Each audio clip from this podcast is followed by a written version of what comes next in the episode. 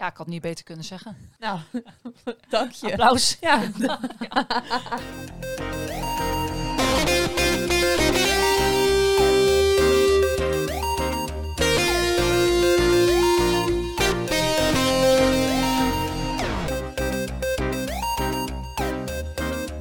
Welkom bij een nieuwe aflevering van de Paagman Tipt Boekenpodcast. Mijn naam is Sascha en ik ben jullie host. En ik ben Brit.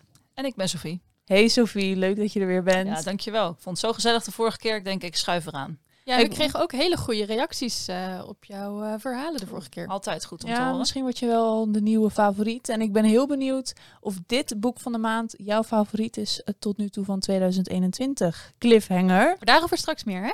Ben je op zoek naar een nieuw lievelingsboek? Elke eerste vrijdag van de maand tippen onze boekverkopers de meest opvallende, veelbelovende of mooie boeken en kiezen we samen één boek dat de titel Boek van de Maand verdient. En vraag jij je nou toevallig af, wat was dat boek van de maand nou ook alweer? Nou, even een recap.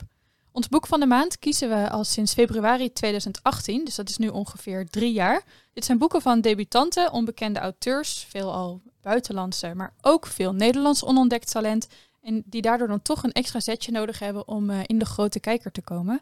Het kunnen verschillende genres zijn, maar de focus ligt op romans. Durf je al een beetje de titel weg te geven van dit boek van de maand? We hebben gekozen voor Zacht op Lachen van eh, Malou Holshuizen. Het is een persoonlijk debuut en, eh, ja, van een Nederlandse auteur. Maar hier gaan we het straks dus eh, ja, lang over babbelen. Eerst even naar de volgende boeken.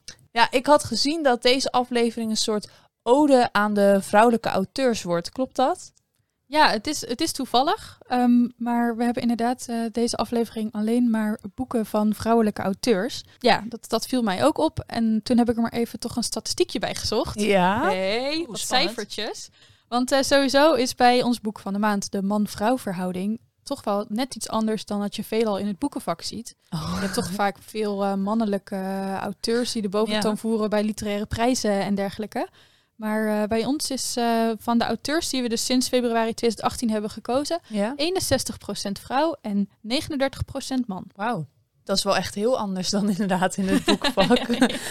Ehm, voor de luisteraar nog even een tip. Denk je nou halverwege, hè, welk boek zijn ze nou ook alweer aan het bespreken? Is helemaal niet erg. We zetten het altijd in de beschrijving van de podcast zelf.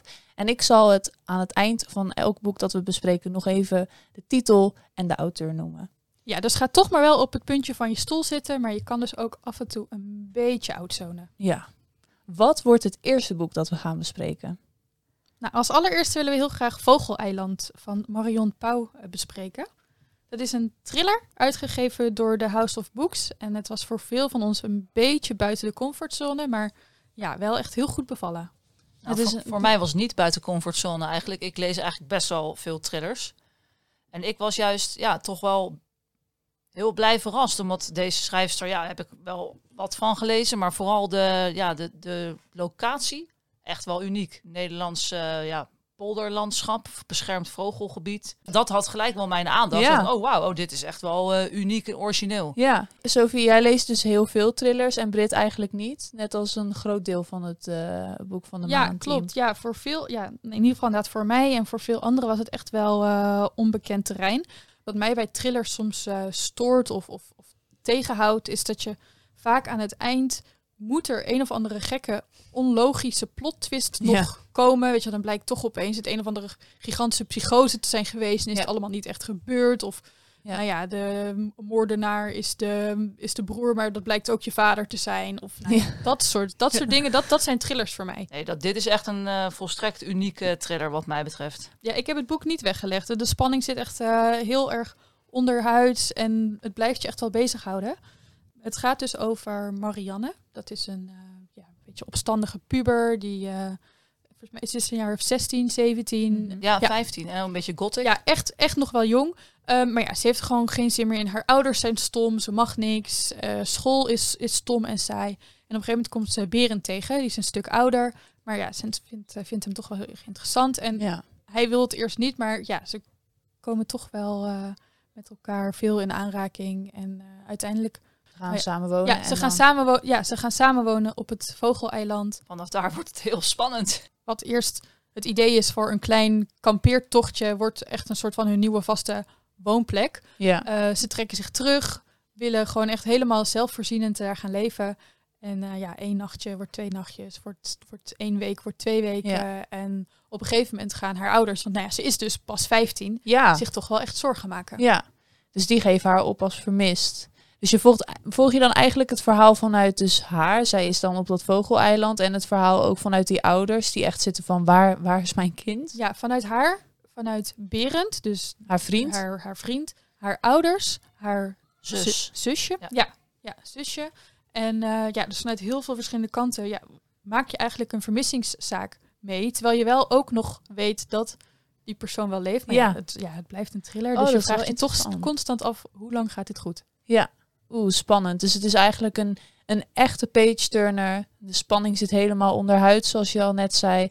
Met een klein sinister laagje, wat een beetje tussen de regels doorcijpelt. Ja, ik had niet beter kunnen zeggen. Nou, dank je. Applaus. Ja.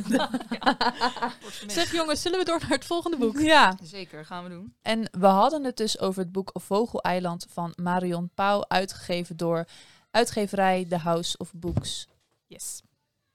Dan gaan we door naar het tweede boek. En dat is, die naam van die auteur komt bekend eh, voor volgens mij. Ja, Chloe Benjamin eh, gaan we het nu over hebben. Eh, De anatomie van dromen. Geweldige cover, springt er echt uit. We waren echt gelijk helemaal van wauw, dit moeten we gaan lezen. En niet alleen om de cover, maar ook omdat wij al eerder een boek van haar hebben gekozen als boek van de maand. En dat was De Onsterfelijke. Ja, Nou, volgens mij uh, zit er dat nog steeds eh, na, hoe Ja. enthousiast iedereen daarover ik geef was. het nog zo vaak Dus, cadeau. eh, ja. Ja. Hierbij waren de verwachtingen ook zeer hoog. Ja, het was ons eh, boek van de maand januari 2019. De Onsterfelijke eh, is in 2018 uitgebracht als The Immortalist. Ja? En is dus toen het jaar daarna vertaald als De Onsterfelijke. ja? En nu, De Anatomie van Dromen, is haar Engelse debuut. En dat is Oh. al in 2014 gepubliceerd. Kijk, dat zijn even de feitjes. En als jullie het even in één zin mogen beschrijven hoe jullie leeservaring was, hoe zouden jullie dat dan omschrijven?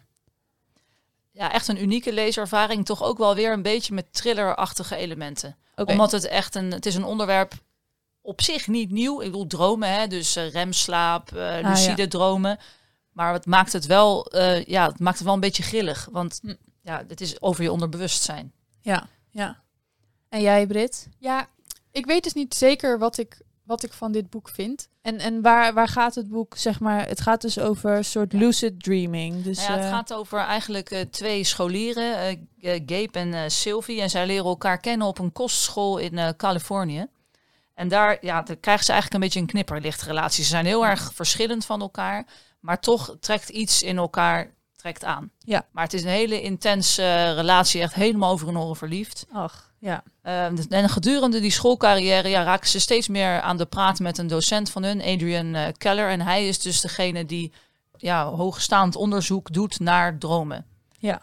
En zij raken betrokken bij dat onderzoek en zover dat ze dus stoppen eh, met hun opleiding en ze er helemaal voor gaan. Oké. Ik- Weet je, dit, ik moet helemaal aan Inception denken. Weet je wel, die film? Snap ik wel ergens. Ja, eh, want het, Nolan. Zeg Ja. ik dat goed? eh, Christopher Nolan. Christopher Nolan. Misschien ja. heeft hij een broer die Ja. Nolan heet. ik, weet, ik weet het niet. Maar het is, het is heel divers, want je hebt het over slaapwandelen, maar ook dus over mensen die dus in hun slaap bijvoorbeeld moordneigingen krijgen.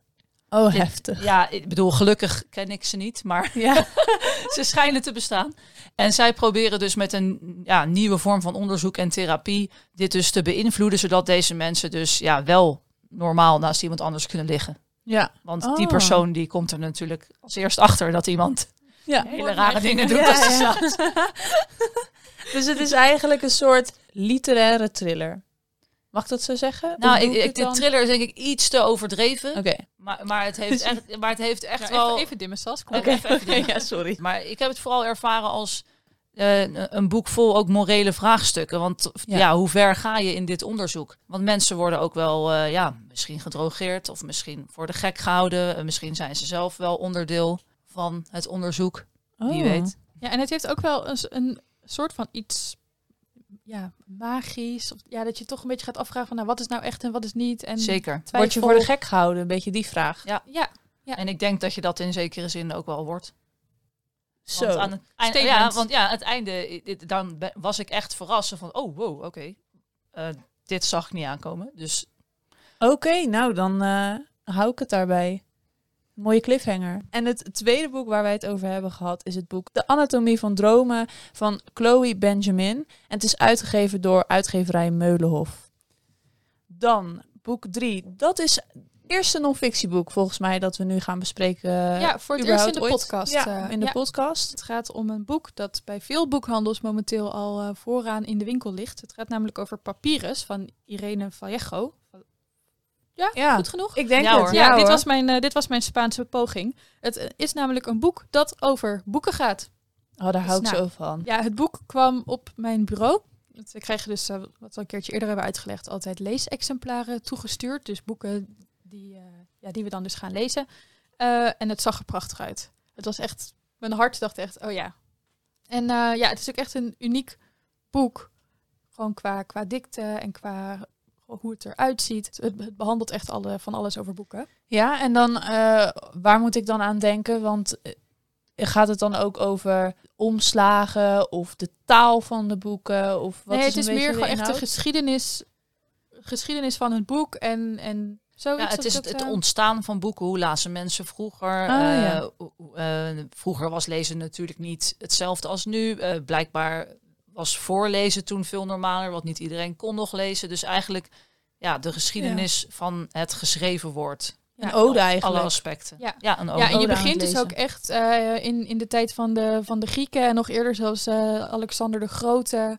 Gewoon het, het Ja. organiseren van die gigantisch grote bibliotheken, wat we nu al bijna niet eens meer voor kunnen stellen. Nee, nee. Dat je gewoon, nou ja, eigenlijk bijna alles wat geschreven werd, gewoon echt op één plek nog Ja. te vinden was. Het is heel eigentijds geschreven, Hm. dus het is geen droge kost. Dus soms dan legt ze ook een vergelijking Ah. bij. Kijk, nu hebben we bijvoorbeeld een smartphone of Ja. nu, enzovoort. Dus hij probeert heel erg eh, in, ja, te weergeven dat het vroeger gewoon heel anders was dan nu. Hoe we daar Echt in de tijd kijken. plaatsen dus. Ja, Ja, ja. Oh, dat is wel heel fijn. En ik moet ook wel eerlijk bekennen dat ik het boek nog niet uit heb, omdat het dus... eh, Behoorlijk dik ook. Het is, het, is, het, is een flinke, het is een flinke pil, maar ook omdat het gewoon heel fijn is om, om even een stukje in te lezen. Ik heb het zeg maar op de bladzijde waar ik nu nog ben open op mijn Ah, bank liggen. En ja. dan is het gewoon heel fijn om daar gewoon even weer een stukje in te lezen. Ja, Dus, Gewoon een eh, boek dat je af en toe even oppakt. En eigenlijk gewoon als boekenliefhebber mooi is om gewoon te hebben. Ja, en echt een cadeauboek vind ik ook. Ja, must read voor boekenliefhebbers. Oké. We hebben het net gehad over het boek Papyrus van Irene Vallejo. Geef ons een cursus Spaans. we Alsjeblieft. Ja. En het is uitgegeven door uitgeverij Meulenhof. Dan gaan we door naar het vierde boek. Dus we gaan even naar het oosten van Europa, namelijk naar Bosnië. We gaan het hebben over het boek Vang de Haas van Lana Pastasic. En het is uitgegeven door uitgeverij Meulenhof. Echt de verrassing van deze maand. Vonden we niet alleen wij, maar meerdere leden van eh, het boek van de maand waren erg, eh, ja, van, zeker de voorkant is een haas. Daar waren we eerlijk gezegd niet heel erg door gecharmeerd, maar we hebben er doorheen gekeken en Ja, het bleek niet- toch niet de ieders grootste verrassing te sneller zijn. kloppen van dieren op covers, maar Ja. ja, we Bij zijn mij, bij mij op zich wel, maar dan meer eh, zeg maar katten. Eh, maar wat daardoor wel eh, echt wel een, een leuk was, is dat we allemaal zonder grote verwachtingen aan dit boek eh, begonnen zijn.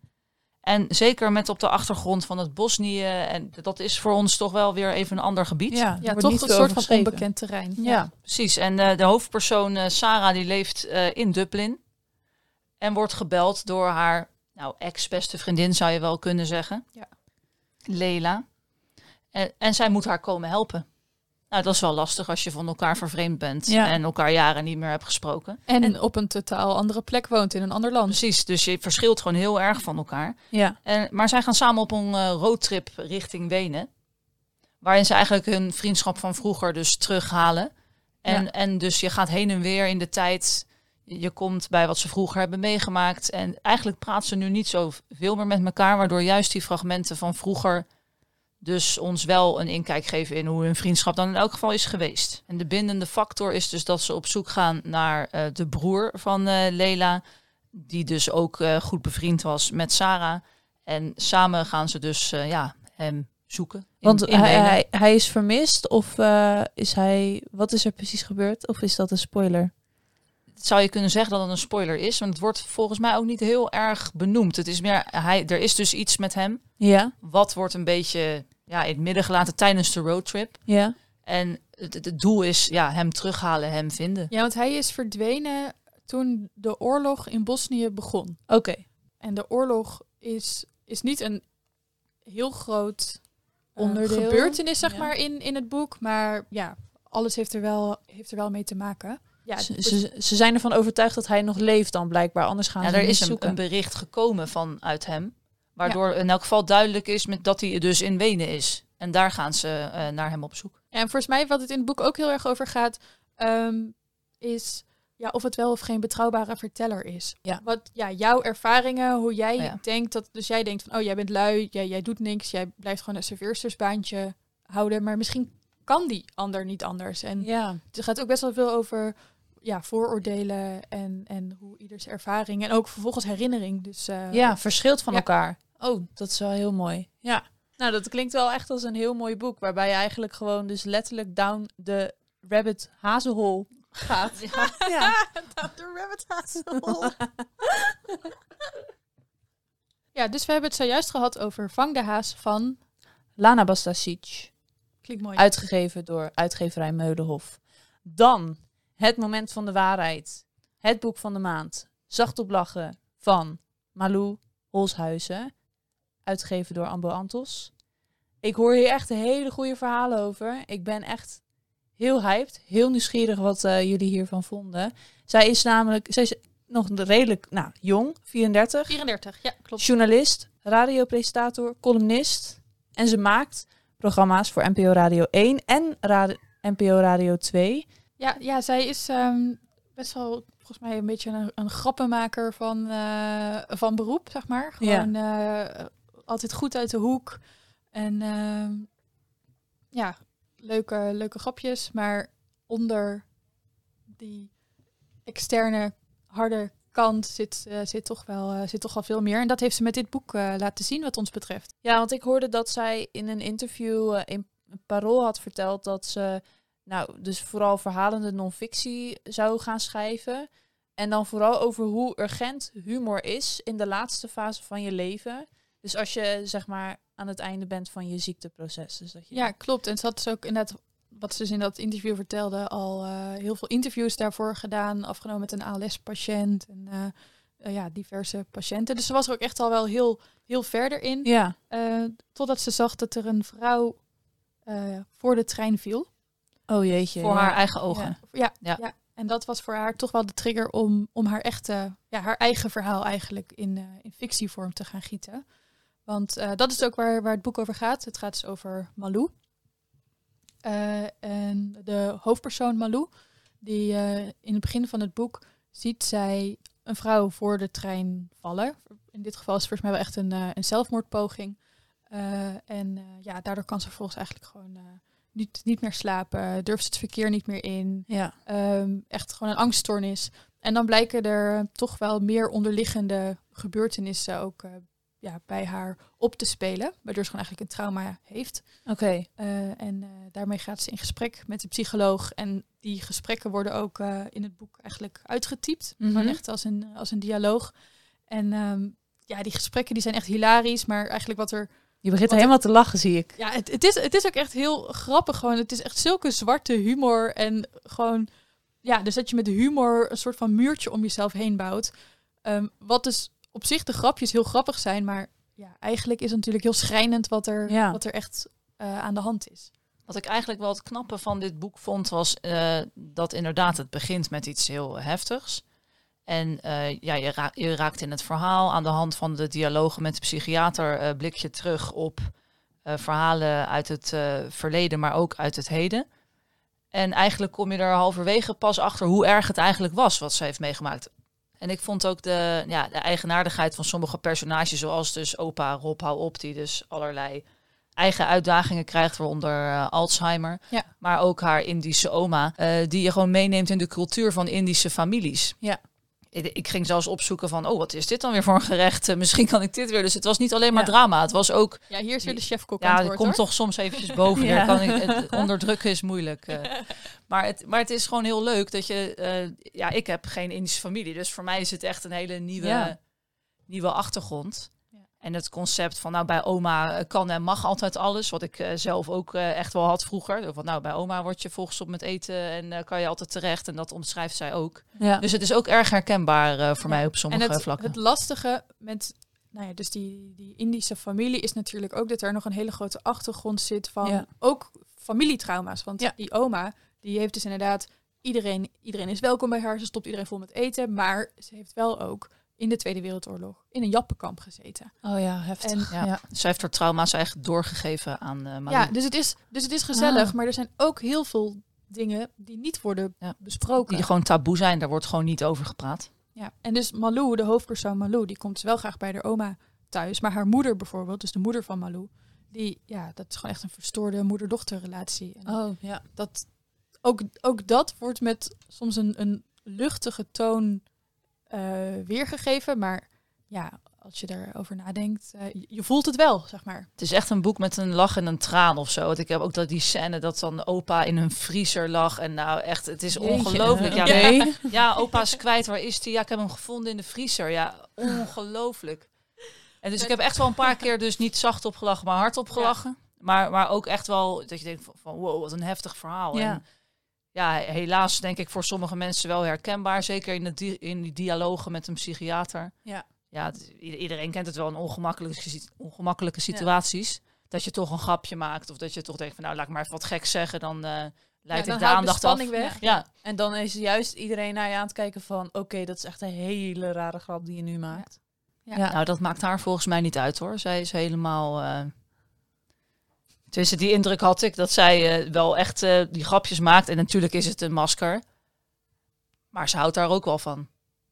Ja, ja het, is, het is wel een, een mechanisme eh, waardoor ze met heel veel dingen kan dealen. Ja. Ehm, ze heeft een, eh, een jonger broertje ook. En die twee die, ja, die zijn echt ook alleen maar aan het geinen. En dat Ja. is hun manier om met elkaar te communiceren. Ja. En dat, dat, dat kan natuurlijk. Ja. Ehm, ik heb eh, zelf ook broers. En Mhm. ja, je zegt, je zegt niet tegen elkaar van hé, ik hou van je. Maar je zegt Maar je dat, maakt eh, stomme grapjes. Ja, Ja, ja, je, Je bent precies. dik en lelijk, maar ik hou wel van je. Ja, precies. En, en, en dat is gewoon hoe het werkt. Maar dat werkt alleen als er niet ook nog een, gewoon een gigantisch trauma Ja. Is, waardoor je gewoon niet meer kan functioneren. Ja. Dan, dan is het even genoeg met de grapjes. En eh, ja, eigenlijk dat ontdek je samen met Malou in, in dat boek. Ja, dus het is eigenlijk gewoon op een hele, nou, hoe noem je dat, humoristische wijze, maar ook echt, nou, de zwarte humor, wordt er verteld over de dood, de Tweede Wereldoorlog, Alzheimer en dus van die achtergesloten deuren. Ja, Eh, ja, er, zitten echt, er zitten echt heel veel verschillende motieven Ja, in. En ehm, ja, wat is ook, daarom, dat wil ik ook graag nog zeggen. Eh, dus dat ik het inderdaad ook daardoor echt een heel goed boek vind voor, eh, voor lezen op de lijst. Eh, voor, Oh. voor de literatuurlijst. ja, Omdat het dus zoveel verschillende aspecten heeft waar je gewoon heel goede kringgesprekken Mhm. of, of boekbesprekingen of ja, wat moet je allemaal op de middelbare school doen. ja. Ehm, en het is teg- tegelijkertijd wel gewoon heel toegankelijk geschreven. Dus ehm, Er zal voor iedereen wel iets in zitten waarin hij zich ook herkent. Ja. denk Ja. ik. Ja, dus eh, jonge luisteraars die luisteren of ouders die denken, oh mijn god, mijn kind moet nog een boek lezen voor de lijst. Dus inderdaad, ja, zet hem, zet hem op de lijst. En eh, Sas, ga jij hem op jouw lijst zetten, onder de streep? Ja, ja, echt. Ik heb hem nog niet gelezen. Ehm, wat, het, wat het denk ik ook is, is dat je, ik, heel veel mensen lezen graag hè, wel over zware thema's. Maar het moet niet eh, een klein levenachtig, eh, super deprimerend zijn. ja, het moet wel eh, ja. echt dat je misselijk wordt als je het leest. Ja. Het moet ook wel op een beetje een humoristische, nuchtere manier verteld worden zoals het is. En daar hou ik zelf heel erg van. En ik heb wel het gevoel dat dat boek, dat dit boek dat doet. En ja, ik, ik, ik vind het altijd van die achtergesloten deuren, familiedrama's. ja, ik ga Daar er ook goed van. op. Ik ga er echt goed op. ja. Maar het is dus ja, nu wel... eh Ik zou ook eigenlijk nog wel één ding willen zeggen daarover. ja, mag. Ja, mag dat? Ja, mag, maar. Ja, Dat mag. ik de afronding echt fenomenaal vind. Van het boek. Ja, en ik Ja. ga dan niet zeggen natuurlijk wat de afronding is. Nee, Maar, maar, ik ja. vond het echt, eh, ja, het maakt het helemaal af. Is het je favoriete boek eh, van de maand, denk je, tot nu toe? Ja, dat vind ik heel lastig om te zeggen, want ik, ik lees al best wel lang mee. En ik denk dat ik toen ik nog niet meedeed, las ik ook al vaak het eh, vaak boek. het boek van de maand. En nu van 2021? Ja, ik zou haast wel durven zeggen, Ja. als ik dat nu, eh, want ik, ik, als ik nu nadenk, denk, ik- moet ik natuurlijk denken, oh god, wat waren ze allemaal? Ik weet Ja. niet meer. Eh, maar nee, deze vind ik zeker eh, ja, uniek. Het is wel nog wachten nu totdat we een onder de streep gaan doen waar jij het boek niet wil lezen. Sas. Ja, ja, ja. We eh, maken het ook moeilijk natuurlijk Ja. met eh, de boeken die we uitkiezen. Ja, dat is ook zo. Ja, nee, ik, ik ben elke keer gewoon. Ik heb dat niet vaak hoor. Want als de luisteraar nu denkt, ja, ze praat iedereen gewoon uit de mond. Echt niet. Ik ben heel kritisch met wat ik lees en niet. Maar dit is. eh, als ik mensen om me heen heb die gewoon heel enthousiast hierover zijn, dan denk ik, ja, ik geloof jullie wel. En ik geloof fijn. jullie. Dank je. Nou, dan gaan we denk ik nog even naar het volgende onderdeel wat we in deze podcast bespreken. Dat is namelijk eh, de winactie. Heel erg bedankt allemaal voor jullie inzendingen. De winnaar die het boek van de maand mei zacht op lachen gaat ontvangen is Julia Kortekaas. Gefeliciteerd! Gefeliciteerd. Ja, Julia, we sturen je een berichtje. Ook komende maand willen wij weer ons boek van de maand verloten. En weet jij nu al dat je kans wil maken op ons volgende boek van de maand? Stuur ons dan een mailtje naar podcast.paagman.nl en zet je gegevens er even bij. Dan maken we de winnaar weer de volgende podcast bekend. Wil je meer weten over de boeken die Paagman tipt? Ga dan naar www.paagman.nl slash podcast, want daar is alles terug te zien eh, van de boeken die we bespreken. Of schrijf je in op onze nieuwsbrief, dan ben je altijd op de hoogte. En natuurlijk kunnen we niet vergeten in deze tijd onze social media, allemaal via Paagman. Laat even weten wat je van de boeken vindt, vinden we altijd leuk. Ja, we zijn heel benieuwd. Nou, Sophie, super bedankt weer dat je hier wilde aanschuiven. Ja, ik vond het weer onwijs leuk, jongens. Ja, super bedankt voor het luisteren en tot volgende maand. Super, doei! Doei!